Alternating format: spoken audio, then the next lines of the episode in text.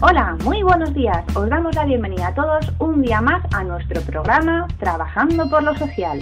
Son las 10 de la mañana y fuera de nuestros estudios estamos a 9 grados. Por fin ha llegado el frío. Así que no os separéis ni de la manta ni de la radio porque tenemos un programa cargado de novedades.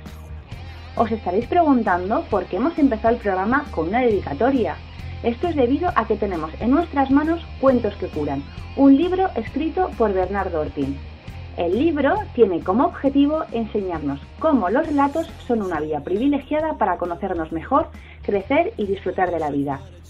Hemos tenido el inmenso placer de poder entrevistarnos con él. Después de la publicidad podréis escuchar la entrevista al completo. No os vayáis muy lejos. ¿Estás cansada de tanto estudiar? ¿Quieres divertirte haciendo algo diferente? Estas navidades vente al teatro con nosotros.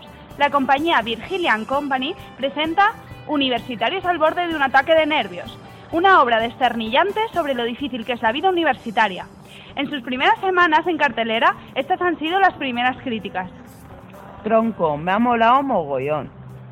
Me ha parecido súper fantástica y mega interesante. La volvería a ver 462 veces más. La mejor comedia satírica de los últimos tiempos. Ven corriendo por tu entrada. Estaremos en el Teatro de la Controversia hasta el 10 de enero. Te estamos esperando.